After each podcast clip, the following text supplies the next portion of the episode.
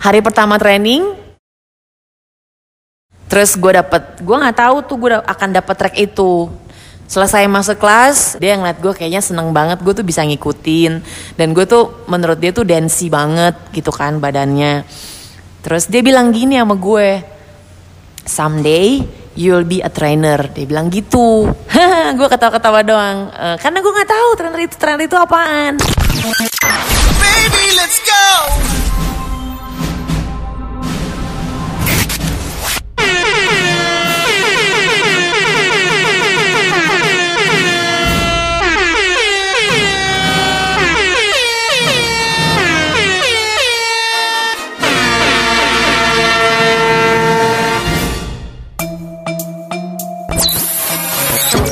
Feti Fatima on podcast. Feti Fatima on podcast. Hai kalian yang lagi mendengarkan podcast Feti Fatima Gue balik lagi Kali ini gue mau menceritakan tentang hobi yang menjadi profesi Mungkin kalian ada beberapa dari kalian ataupun banyak um, Hobi kalian apa Terus ternyata setelah uh, berjalannya waktu menjadi suatu profesi dan menjadi suatu um, mata pencarian gitu loh untuk kehidupan lo. Contoh nih, lo suka gambar, ya kan? Biasanya kalau orang suka gambar, um, uh, digelutin dan memang hobi gambar dilihat sama orang, orang itu suka, and then lo um, mulai dengan mencari apa ya, uh, mencari sesuatu untuk mendapatkan uang dari uh, hobi lo itu. Mungkin secara tidak sengaja lo akan menemukan eh gambar lo bagus. Lo bisa nggak bikin ini? Gitu. Kan itu kan namanya kan uh, rejeki ya gitu. Jadi maksudnya rejeki itu tidak tidak tidak hanya berbentuk uang rezeki itu bisa apa aja gitu. Nah gue mau ceritain hobi gue ketika gue masih TK um kayaknya sih umur 5 tahun. TK gue tuh di itu di mana di Rawamangun. Um, kebetulan TK sama SD cuman kayak back to back aja gitu gedungnya. Cuman belakang-belakangan. Jadi gue hidup di di situlah dekat dari rumah bisa jalan kaki. Nah, ketika gue kalau nggak salah tuh kayak kayak perpisahan gitu lulus lulusan TK gitu kan and then um, ada guru salah satu guru TK gue tuh minta gue untuk nari Bali ceritanya. Nari Bali sama nari uh, Sumatera Barat uh, Serampang 12 jadi disuruh kamu nari ya gitu. Ya udah nari kan gue nggak tahu itu apa artinya nari gitu kan ketika dicontohin gerakannya seperti ini, matanya ke sana, elbownya diangkat, terus tahan kakinya gitu kan. Ternyata gue bisa, ternyata gue tuh lancar dan gue orangnya mengkoordinasi tuh ternyata gampang gitu loh. Dan kan ada musiknya gitu kan, kan belum tahu musik ya tahun segitu belum tahu musik seperti apa dan ya kan kita daerah, tari daerah, traditional dance Indonesia gitu dan pada saat itu gue kan emang belum ada internet so mungkin dengerin radio tapi kan umur segitu lo mau ngarepin apa sih mau dengerin lagu apa gitu kan. Um, akhirnya udah um, kita latihan tari pendet sama tari serampang 12 nah serampang 12 tuh pasang-pasangan kan. Nah gue lupa siapa pasangan gue yang pasti cowok pasangannya bukan perempuan juga jadi um, disuruh tari Bali, ya tari Bali udah selesai, baru um, tari Serampang 12. Dari situ kayaknya nyokap gue almarhumah tuh um, melihat ada potensi dari gue, memang gue orangnya sangat seneng. Ya iyalah ya, ketika emak gue ngeliat gue nari, gue lancar ini semua orang tepuk tangan gitu. Kayaknya nyokap tuh mendukung gue dalam hal itu. Nah, dilanjutin sama ketika gue kelas. Kalau nggak salah gue umur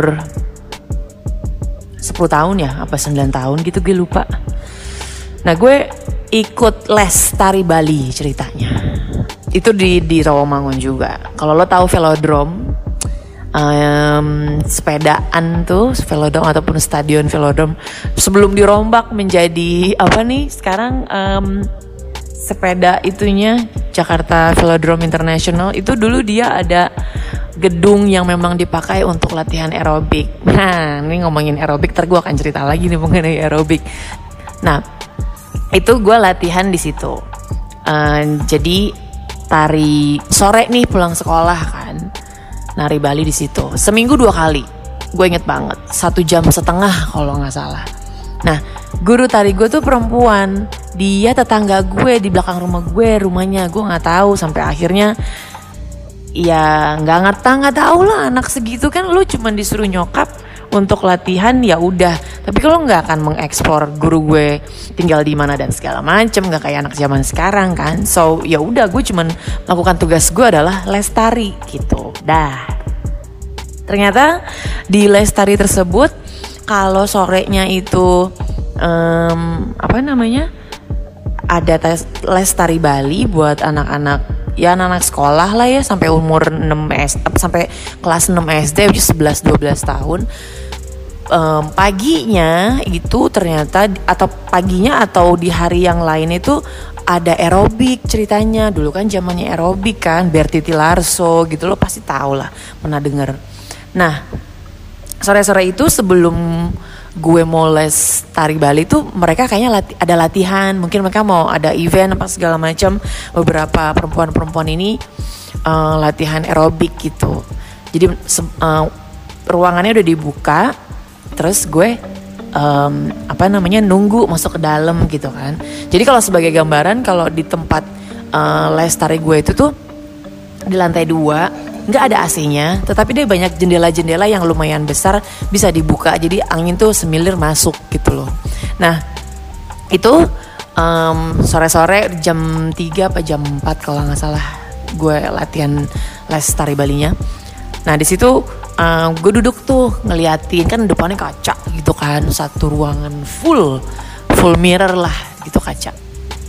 Karena kita latihan kan harus madep kaca terus gue perhatiin nih yang latihan aerobik seru ya musiknya gitu kan. Uh, gue nggak tahu musik apa pada saat itu. Cuman kan gue ngerasa ketika gue mendengarkan musik ada sesuatu yang menarik gue untuk untuk apa ya untuk secara aktif motorik motorik badan gue itu tuh gue merasa kayak I have to do something gue harus ngapain ya?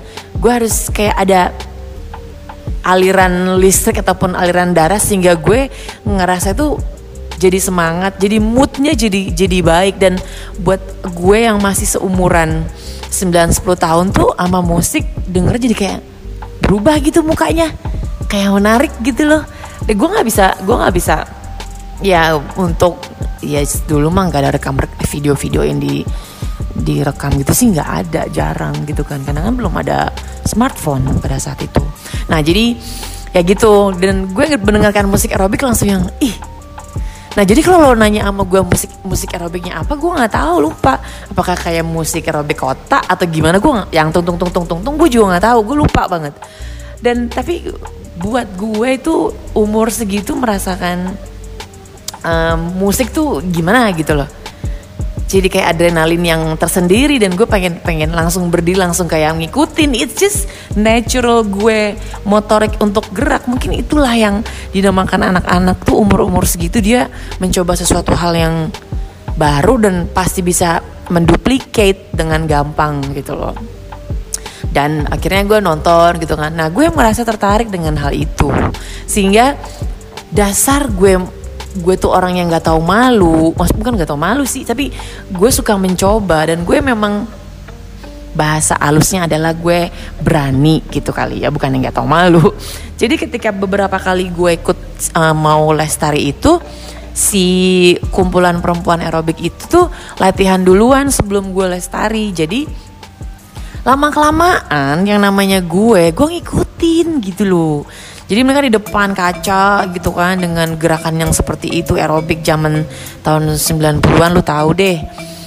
Um, 80 ya lap, lap, akhir 80-an awal 90 gitu dan gue ngikutin ceritanya dan ternyata dengan gue sering ikut ngikutin itu salah satu pemimpin aerobiknya namanya Tante Yeni. Hai Tante Yeni, kita nyuruh move lagi.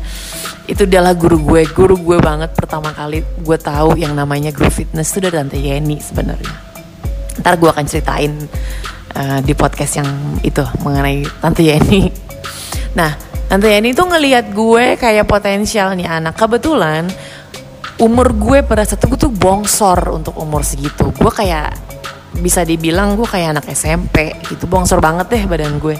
Jadi dia ngerasa bahwa nih anak ada potensi. Nah gue disuruh ikut lagi ikut ikut latihan gitu loh. Ya ikut aja dulu karena ternyata menurut tante Yeni daya tangkap gue dengan koreo uh, aerobik mereka itu untuk dewasa gue dapet langsung nangkep. Dan gue um, untuk mengkoordinasi dengan gerakan lagu itu sinkronnya bagus menurut Tante Yeni gitu loh. Jadi gue ngerasanya um, karena emang asik aja buat gue dan gue udah ngikutin apa yang ini gitu dan cepet nangkepnya. Nah Tante Yeni kayaknya tertarik untuk gue bisa gabung dalam uh, perkumpulannya mereka itu gitu. Ya sudah, yang ngomong dong sama nyokap gue kan gitu untuk gini gini gini. Ya nyokap sih selama gue nya memang suka dan memang uh, apa namanya gue nggak keberatan gue tidak ada suatu penyangkalan ataupun keberatan ataupun uh, apa ya malu-malu gitu nyokap ya akhirnya kan mensupport gitu. Nah hmm, si les tari Bali ini nih ceritanya. Nah sedangkan les tari Bali ini hmm, yang tadinya tuh kan Bali tari pendet terus apalagi Panji Semirang terus apalagi sih tingkatannya gue lupa. Nggak sampai nggak sampai yang banget banget gitu. Nah si tari Bali ini tuh kan agak bukannya lelet sih agak slow ya gak sih? Memang ada jalan tempatnya megang bokor dan segala macam. Tentang tang tang tang tang dengan tangannya. Elbow lo diangkat mata lo harus lirik kanan kiri karena mata gue kebetulan gede juga gitu. Jadi kalau Bali tuh pas gitu loh untuk tari Bali. Tapi kayaknya kurang menarik di gue karena temponya tuh tempo bukan yang dinamis, bukan tempo yang memang um, cepat gitu. Sehingga gue tidak meneruskan hal itu, malah akhirnya gue ke si aerobik tersebut gitu. Nah, um, aerobik udah, nanti gue akan ceritain di podcast gue yang lain.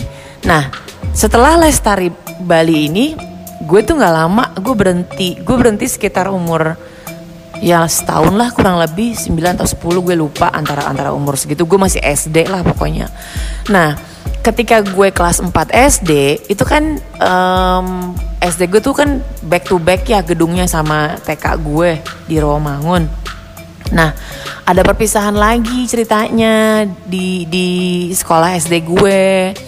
Nah terus guru gue kan um, minta tuh sama nyokap gitu kan bisa nggak uh, bikin apa namanya uh, ngisi acara buat perpisahan tersebut? Ya udah gue kan cuma gue punya geng juga kan di di di apa namanya? Di SD gue gitu. Gue inget banget salah satu geng gue adalah namanya Andila.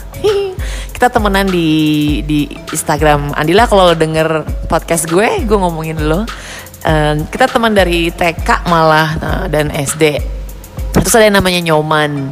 Terus namanya satu lagi ada Gita dan ada Siska. Nah, kata nyokap, ya udah nanti saya coba tanya sama Fetty dia mau nggak nari gitu kan. Terus pada saat itu tuh gue di rumah kan tontonan cuma TVRI doang. Terus RCTI itu baru masuk gitu loh. Oh my god, ketahuan deh umur gue berapa. It's okay, I'm fine with the age.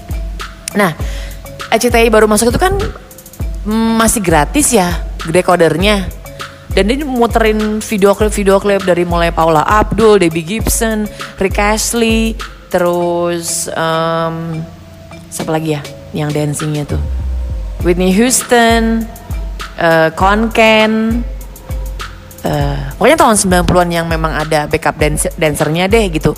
Um, nah itu gue sering nonton di video klip tersebut Hasilnya adalah karena dulu zamannya VHS Sony Betamax tuh gue di rumah punya dong itu.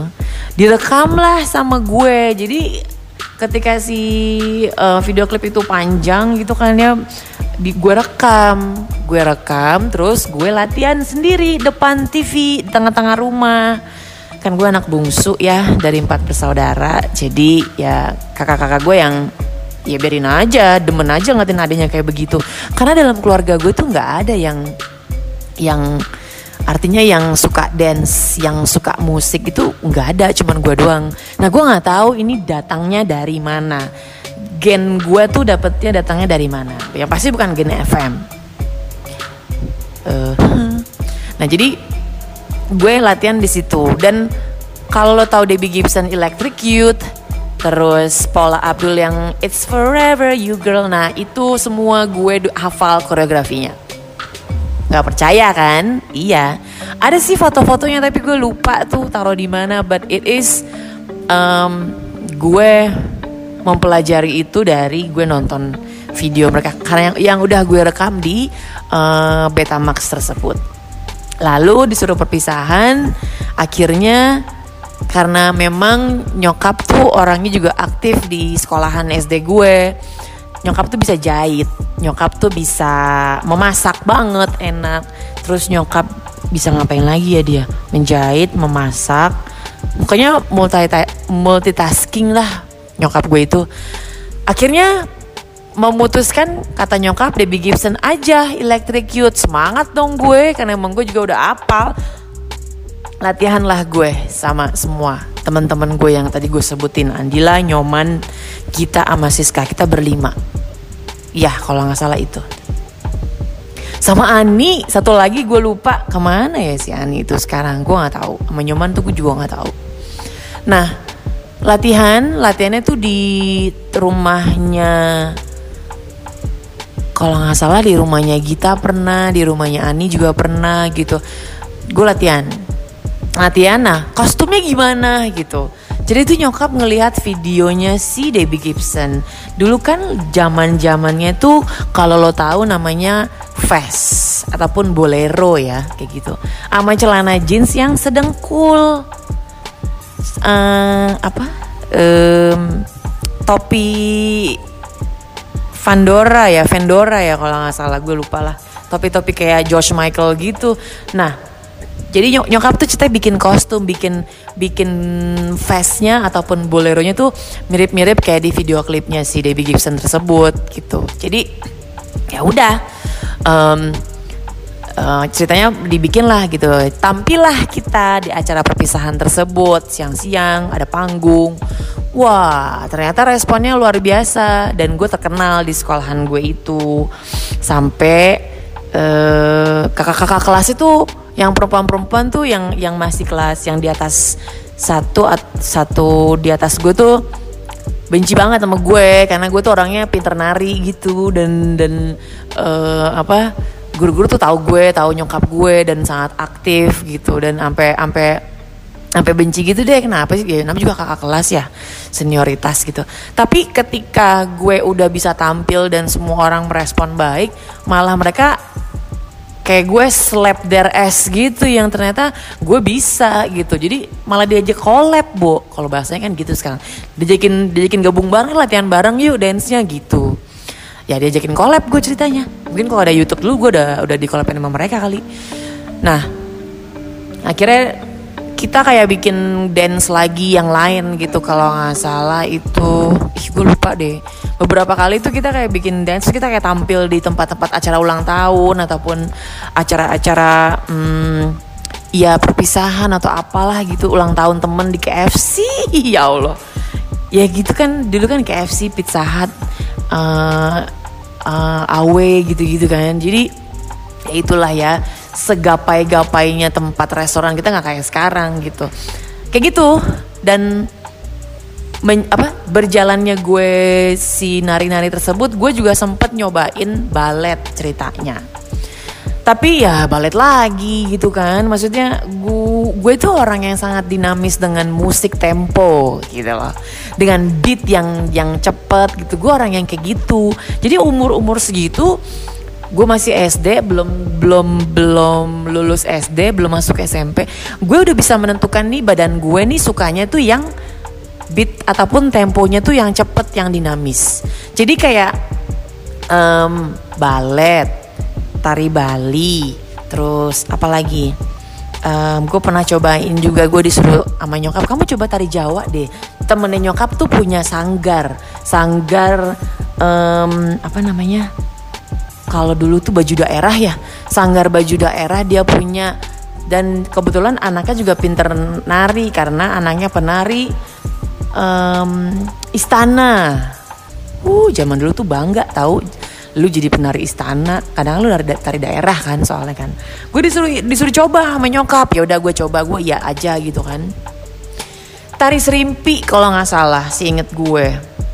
Tapi emang emang gue nggak gue nggak bisa dengan pelan-pelan gitu tuh yang sangat pelan menikmati itu gue nggak bisa gitu. Sehingga gue nggak betah lagi gue gue gue nggak terusin lagi. Dan gue balik lagi gue ke ke apa namanya dengan geng gue yang waktu SD uh, eh, sama kakak kelas untuk untuk nari lagi gitu. Jadi semua tuh gue sambi gitu loh. Ya kalau gue pikir sih mungkin um, apa namanya itu sesuatu yang yang bener-bener menurut gue bikin lo tuh jadi uh, mendapatkan beberapa genre untuk uh, belajar nari. Lu tradisional iya lu ke modern dance-nya iya. Terus um, gue juga lumayan gue suka olahraga gitu karena gue berenang. Gue tuh SD berenang makanya kulit gue tuh uh, kalau bahasa gue sekarang adalah brown sugar gula merah. Ya maksudnya itu kulit gue tuh emang keling. Karena gue suka berenang dan gue nggak takut berenang siang-siang. Palingnya sih kalau udah sampai rumah nyokap suka yang nyuruh sini lulur badannya gitu. Iya biar biar putih menurut nyokap gue gitu. Tapi gue sih yang bodoh amat gitu kan. Karena gue suka berenang. Nah jadi um, menari selama gue SD dan juga gue uh, suka olahraga gitu kan. Karena uh, gue aerobik sama tante Yeni juga gitu. Tapi gue mau ceritain itu terpisah sebenarnya. Kan tuh seru cerita aerobik itu. Gue seru banget. Nah gue karena gue mau mau mencoba untuk menceritakan sama kalian tentang awal mulanya gue suka menari dan akhirnya menjadi profesi gue sekarang um, dalam body jam dan subem itu. Nah itu um, menari itu sampai akhir um, lulus SD tuh gue mencar sama sama beberapa teman-teman SD gue. Nah, ada gue masih bareng sama Andila di di SMP itu gitu. Jadi ketika ini masuk ke SMP nih ceritanya, kan udah masuk TV TV swasta ya kayak RCTI gitu-gitu. RCTV kalau nggak salah juga nggak lama kemudian. Jadi kan influence-influence yang western juga udah ada dong. Ya buktinya gue waktu gue SD itu aja gue udah belajar nari Debbie Gibson gitu. Dan sumpah gue tuh bisa banget dengan apa menduplikat nggak duplikat memimiking gerakan-gerakannya si Debbie Gibson sama Paula Abdul yang Forever You Girl sama ada Rick Astley itu dia kan punya backup dancer ya. Itu tuh gue gue gue pelajarin koreografinya gue bener-bener ikutin gue latihan depan bukan depan kaca sih depan TV gitu. Dan diulang-ulang sama gue gitu. Ya alhamdulillah sih di rumah tuh emang gak ada yang ganggu gue ngelihat gue tuh aneh ataupun ngelihat gue tuh yang uh, dilarang-dilarang gitu enggak. Alhamdulillah sih sehingga ya gue mempunyai masa kecil SD itu tuh bahagia lah gue. Karena gue bisa menari dengan bebasnya untuk berekspresi dan nyokap sangat mensupport. Kan nyokap kan full time housewife ya. Jadi dia mendukung gue dan secara juga anak bungsu pula gitu kan. Jadi di diiyain lah untuk sesuatu yang positif. Nah um, lulus SD ceritanya. Udah masuk SMP dong. Nah masuk SMP itu um, dancing gue tuh agak berkurang. Karena kan SMP kan udah ini ya udah apa namanya sudah banyak pelajaran temen-temennya juga baru ekskul ekskulnya juga toh itu uh, banyak gitu. Jadi gue ikut paskibraka waktu SMP jauh dari yang namanya dancing gitu tapi dasarnya gue suka dance dan ternyata menemukan di SMP menemukan teman-teman yang juga suka dance bikinlah ceritanya juga. Kita ngedance gitu di rumah siapa latihan gitu kan. Um, terus tampil acara biasa SMP kan pensi-pensi gitu ataupun bazar-bazar ataupun perpisahan ataupun ya gitu-gitu deh. Nah biasa tuh suka suka ngisi tuh gue tuh sama temen-temen gue. Dan anehnya nggak cuman gue ada beberapa grup juga yang bisa ngedance. Tapi gue nggak tahu kenapa pas grup gue tuh manggung gitu ya on stage lebih keren gitu musik koreografinya terus musiknya lebih dinamis. Jadi gue kalau yang lain tuh agak temponya agak pelan. Ini itu N1 N2 gitu. Kalau gue nggak emang tak tak tak tak cepet gitu loh. Sehingga ya buat buat visual kan di mata lebih menarik dong lebih enak dong. Jadi terkenal lagi gue di SMP karena emang gue orangnya suka nari gitu-gitu. Jadi ya um, lumayan itulah uh, dibenci juga sama senior. Karena emang gue bisa nari karena kan gak semua orang bisa nari dengan dengan dinamis ya gitu. Nah di SMP juga um, gue olahraga banget karena gue atletik dan gue masih suka berenang sekali-sekali. Oh gue suka banget lari waktu SMP gue suka banget lari jogging tuh gue suka banget. Dan gue aerobik Pokoknya gue akan cerita di podcast nanti deh tentang aerobik. Gimana caranya, kenapa gue bisa fit badan gue menari dan si aerobik ini gitu loh. Nanti gue akan cerita di podcast gue selanjutnya. Nah, um, masih nari nih, masih hobi gue yang nari nih. Lulus SMP, uh, akhirnya gue lulus SMA Nah, lulus SMA lebih apa ya? Wah, karena uh, agak jauh nih SMA gue nih gitu.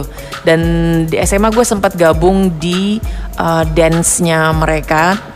Dan kalau nggak salah waktu gue SMA udah masuk yang namanya bukan house music sih. Gue lupa jenisnya tuh apa. Tapi gue nggak suka sama jenisnya.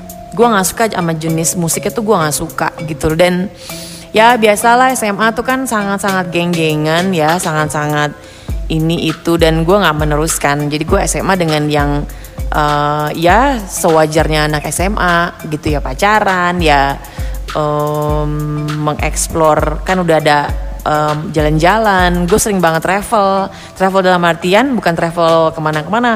Gue orang yang suka ngangkot pergi ke mall mana ke mall sini. Rumah gue di Romangun tapi gue bisa loh nyampe ke Pondok Indah naik bis gitu. Jadi eksplorasi gue mengenai um, dunia luar itu gue awali dengan gue naik bis. Itu gara-gara nyokap sih. Karena nyokap tuh dulu aktif di Dharma Wanita. Uh, bokap kan di Pertamina waktu itu. Jadi uh, nyokap tuh aktif di Dharma Wanita. Simpruk gedung Pertamina yang di Sinabung kalau lo tahu daerahnya.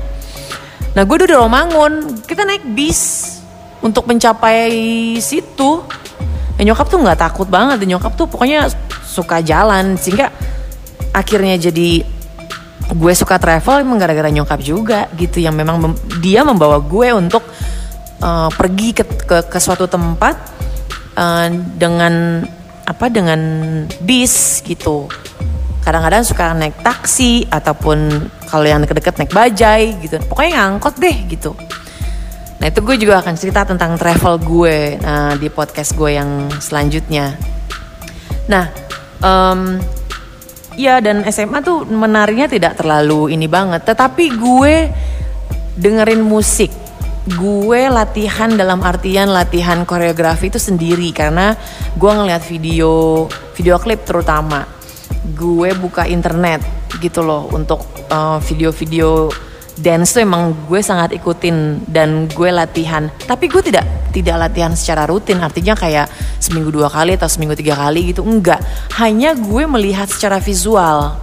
Secara visual dan gue latihan dan pakai lagu on my shoes gue latihan gitu loh. Nah itu gue berjalan. Jadi gue kayak belajar sendiri. Jadi gue belajar untuk um, mendisiplinkan diri gue sendiri. Karena gue suka dance hobi gue gue tetap mendisiplinkan oh, harus latihan, harus tetap mm, ngelihat video dan gue harus berlatih gitu pastinya pakai lagu. Nah itu masih gue lakukan gitu loh. Terus di SMA uh, SMA sih kalau untuk dancing gue nggak terlalu banyak ini ya apa namanya nggak terlalu banyak uh, manggung-manggung gitu gue nggak terlalu. Nah lulus SMA gue kuliah. Di kuliah itu gue um, lebih ke yang apa ya uh, mencari uang. Pokoknya nyoba-nyoba kayak lu jadi SPG di stand apa gitu stand buku. Kan dulu ada itu ya eh, pameran-pameran gitu kan. Terus kayak di yang dulu tuh yang di stand mau Kindo mobil gitu-gitu. Pokoknya gue berusaha untuk mencari mencari mencari uang di situ untuk kehidupan gue sehari-hari lah pokoknya. Dan ternyata um, waktu gue kuliah uh, gue tetap masih latihan. Dan gue tuh nah di di di di waktu gue kuliah itu gue aktif untuk ikut aerobik lagi ceritanya.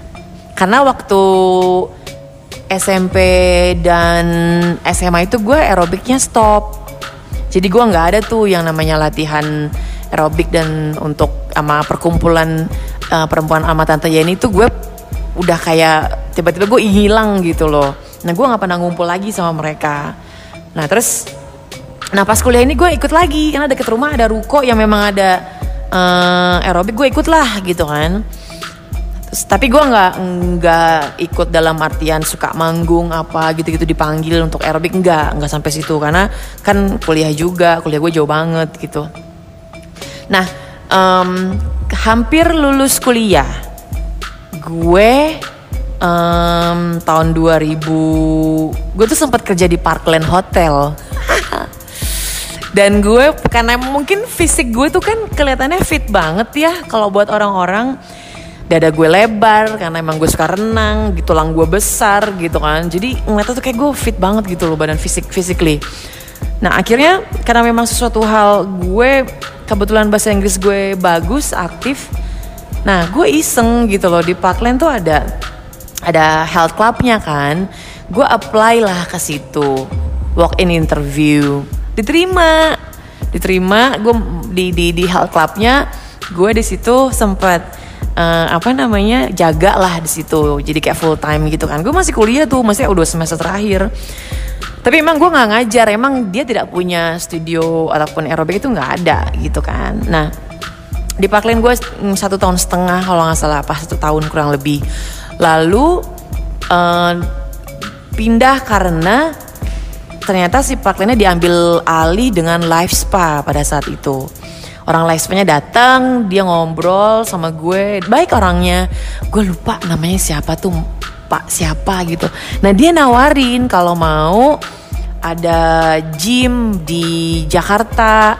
Namanya My Body Gym di BEJ Jakarta Stock Exchange. Nah gue bilang uh, bukan health club sih memang karena gym operator aja dia bilang gitu.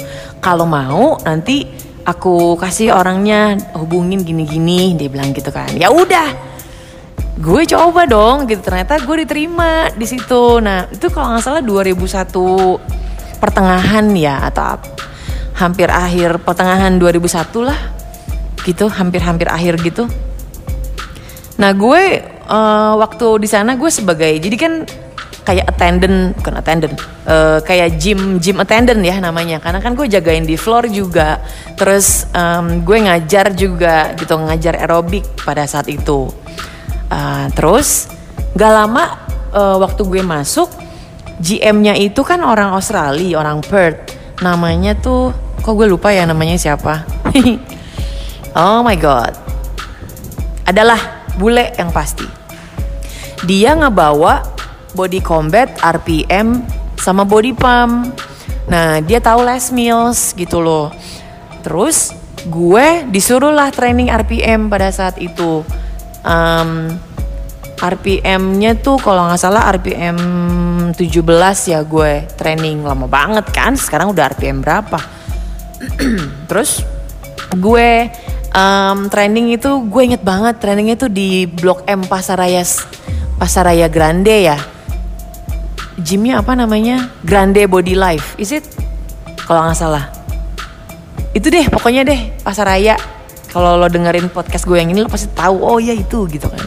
Di lantai 6 kalau nggak salah. Itu rame, rame banget yang ikut. Pokoknya full deh 16 orang gitu. Ada bulenya, ada cewek-ceweknya juga gitu kan. Nah, gue hmm, training di situ. Gue inget banget trainernya dari Australia yang sampai sekarang dia masih um, apa namanya di Les Mills juga namanya Alani Mala. Tuh, gue tuh di trainingin sama dia RPM sama body combat. Gue nggak tahu kalau orang Australia ternyata orang Australia pada saat itu wah kok ini ya uh, kulitnya nggak bule gitu kan gue pikir kalau Australia pasti kulitnya putih gitu keturunan dia kulitnya agak gelap So, gue di trainingin gue lulus, lulus gue training. Gue tuh dapat track 6 kalau nggak salah. Hah, gue inget gitu. Um, lalu sebul nggak sebulan, seminggu setelah itu kalau nggak salah gue langsung training body combat sama dia juga. Lo bisa nebak nggak body combat rilis berapa? Karena gue RPM rilis 17. Yes, bener. Body Combat 14 Halo. Jadi yang kalian Body Combatnya trainingnya masih berapa gitu ya? Gue udah Body Combat gue Body Combat 14 Nah itu di My Body Gym Sama Jeffrey Boas Seinget gue. Ada beberapa tapi gue lupa siapa. Itu dan gue training tiga hari juga. Lulus juga. Lulus juga. Oh dulu tuh gue sempet sama si uh, eh, GM gue yang di My Body Gym itu gue disuruh sebelum gue training body combat gue di trainingin boxing sama Bang Melki haha. Ke mana ya Bang Melki ya? Semoga panjang umur ya Bang. Iya wah dia emang boxer. Nah gue tuh gue tuh di trainingin kayak sehari ya gitu apa dua hari gitu. Um, apa namanya gue trainingin boxing sama dia Nah dia juga ngomong badan gue tuh badan badan apa ya? Badan martial art karena badan gue tuh lebar gitu loh. Apa uh, chest gue tuh lebar pundak gue tuh lebar. Jadi lo kalau guard tuh kayaknya udah duduk banget deh gitu. Kayak fighter banget gitu But anyway, gue kan gak tahu ya body combat itu apaan. Gue tuh gak pernah ikut sebelum, oh ya sebelum gue ikut training RPM, body pump, sama body combat, gue tuh gak pernah ikut kelasnya sama sekali. Gue gak pernah lihat videonya. Kayaknya YouTube juga belum ada pada saat itu. Gue gak pernah sama sekali um, tahu mengenai hal itu. Dan aksesnya untuk internet tuh sedikit gitu loh untuk mengetahui apakah itu last meals program untuk tiga program tersebut. Dan disuruh training ya udah training aja ya gitu. Nah pas body combat gue juga lulus. Gue lulus langsung gue ngajar tuh langsung ngajar gue. Abis RPM itu gue langsung ngajar gitu. Sebulan setelah gue udah training RPM sama body combat gue training body pump. Nah body pump itu udah di tahun 2002 tuh ceritanya. Body pump um, di Grande Body Life juga pada saat itu gue trainingnya. Uh, trainer gue adalah Frank Drew Hi Frank, how are you? Ya kan dia nggak ngerti juga bahasa Indonesia ya kalau denger podcast gue. Frank Drew itu adalah trainer gue untuk body pump. Nah, um, akhirnya um, apa namanya udah bener-bener yang gue trading tersebut, gue mulai mengetahui lah bahwa dunia ini grow fitness ngajar les meals untuk tiga program tersebut um, gue udah menguasai cukup lama gue untuk ininya apa namanya mengajar tiga program tersebut. Nah sampai akhirnya 2005 gue training body jam. Ini yang orang-orang apa namanya orang-orang melihat gue adalah Fatty body jam banget. Fatty adalah body jam, body jam adalah Fatty ya kayak begitu. Nah itu 2005 masih loh gue di My Body Gym trainingnya. Tapi yang di Alila Hotel di Pecenongan. Dulu kan masih My Body Gym, sekarang kayak udah bukan My Body Gym lagi gitu. Dia emang diambil alih sama si Alila hotelnya gue training di situ sama Andreas sama apa ya uh, Abbas sama istrinya Andreas kok gue lupa namanya Yani ya itu. Terus um, ya gue gue training di situ. Tiga hari dan trainer gue adalah lo pasti bisa nebak dong. Trainer body gym gue siapa? Satu-satunya Kylie Gates. Ya dia adalah trainer gue body gym. Sama gue nggak tahu nggak pernah lihat body gym kayak gimana. Gue nggak pernah ikut kelasnya. Pokoknya disuruh training ya udah gue training body gym udah tuh gue dapet track yang uh, lagunya Look at Me. Nih nih pada tahu deh nih kalau kalau pernah ikut kelas gue di Plaza Semanggi ya. Itu Look at Me seperti apa. Lagunya si Gary Halliwell dan itu jazz. Be itu beneran. Hari pertama training um, kan ada master class terus gue dapet gue nggak tahu tuh gue akan dapet track itu selesai master class gue uh, say thank you dong sama Kylie gitu kan. Terus Kylie tuh Kylie tuh um, ngeliat gue tuh senyum-senyum gitu. Dia ngeliat gue kayaknya seneng banget gue tuh bisa ngikutin. Dan gue tuh menurut dia tuh dancey banget gitu kan badannya. Terus dia bilang gini sama gue someday you'll be a trainer. Dia bilang gitu. Gue ketawa-ketawa doang. Uh, karena gue nggak tahu trainer itu trainer itu apaan dan trainer apa gue juga nggak tahu. Dia cuma dia cuma ngomong kayak gitu doang gitu kan. Terus yang oh gue dapet track berapa gitu lo dapet track ini ya gitu. Lu bagus banget gitu. Dari master class lagi master class tuh Kylie bisa melihat potensi gue bahwa gue bisa jadi trainer. Itu tahun 2005 ya dah.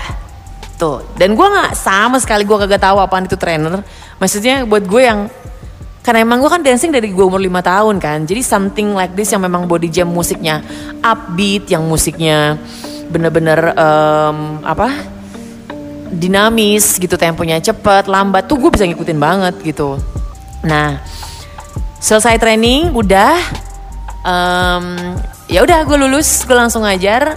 2005 dan 2007 gue ketemu Kylie Gates lagi karena Kylie Gates balik ke Jakarta untuk trainingin uh, body jam lagi. Nah, um, pada saat itu gue kayak yang berpikir gini, kali inget sama gue nggak ya gitu. Aduh, gini nih, gue tuh gue gue kayak yang gue pengen say hi kan sama beliau.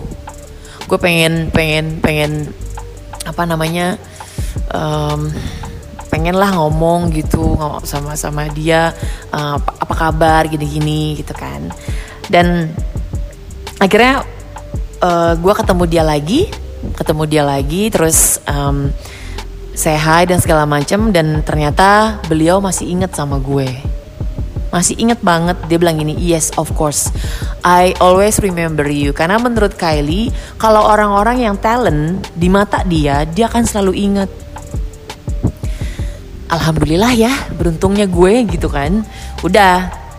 Dan ternyata selama 2007 di um, Kylie balik bulak balik dia Jakarta. Karena kebetulan pada saat itu dia tinggal di KL gue di develop sama Kylie Gates uh, untuk menjadi body jam trainer. Nah dari sinilah gue baru tahu tuh trainer itu apa presenter itu apa untuk apa kayak gitu-gitu tuh gue baru tahu ternyata gitu kan.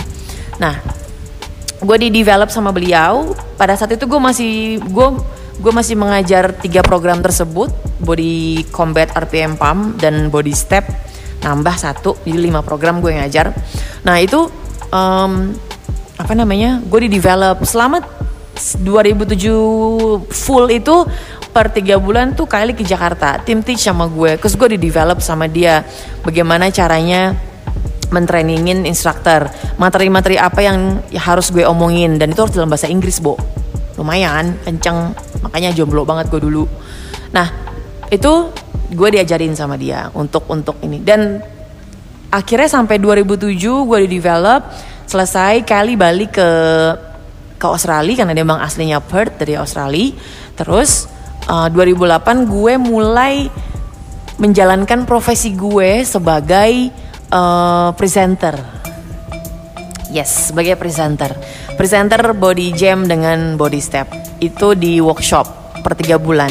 Yang artinya uh, workshop tersebut untuk Les Mills instructor, uh, master class dan juga ada educationnya secara apa ya per tiga bulan untuk rilis-rilis baru dan nanti ketika udah workshop si instrukturnya akan launching untuk member-member di klubnya masing-masing kayak gitu jadi gue dapat duluan nih materinya video lagu dan korek. Gue dapat duluan karena kan gue harus present di depan instruktur kan.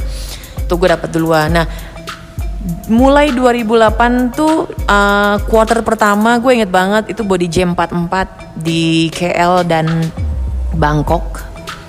Di situ gue mulai gue sama Kylie berdua present body jam 44 wah rasanya udah kayak apa tahu. Ya ya gitu harus harus gitu deh harus harus um, dijalankan dan harus nanti setelah itu akan di feedback oleh Kylie. Nanti gue harus improve dan ya pokoknya gitu uh, di feedback improve untuk menjadi yang uh, lebih baik lagi gitu loh. Nah, 2008 mulai uh, workshop workshop gue sempat ke Brisbane ke Sydney juga untuk present body jam 46 pada saat itu. Gue inget banget sama Amanda. Amanda Brin sama aduh siapa sih yang cewek itu? Aku lupa. Ya itu. Nah dan akhirnya sampai 2009 2009 gue masuk um, apa namanya uh, gue diumumkan gue 2008 akhir sorry. 2008 akhir gue ditelepon sama Kylie bahwa gue akan filming body jam di Auckland New Zealand. Terus gue bengong. Gue nggak tahu mesti ngomong apa. Gue gue gue shock. Mm, biasa aja terus tapi gimana gitu kan. Jadi gue kayak kayak mimpi tapi I don't know. Sebetulnya gue nggak mau. Gue cuman waktu gue training body combat RPM pam gue ngerasa bahwa gue gue combater banget. Karena bang Melki bilang badan gue tuh emang fighter banget. Dan gue pikir ya well mungkin gue memang body combat gitu kan. Ternyata enggak. Menurut Kylie tuh gue sangat dancey emang badan gue badan-badan dancer gitu loh ya nggak bisa dipungkiri kan memang memang dari kecil gue udah nari gue tetap latihan gue disiplin latihan nari walaupun sendiri dan gue belajar koreo dan gue ngikutin video-video musik dan ada ada dancingnya gitu loh.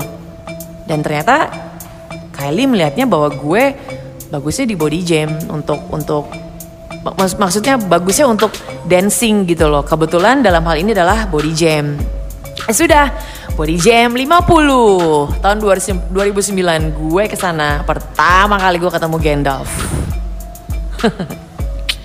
Rasanya ya Allah.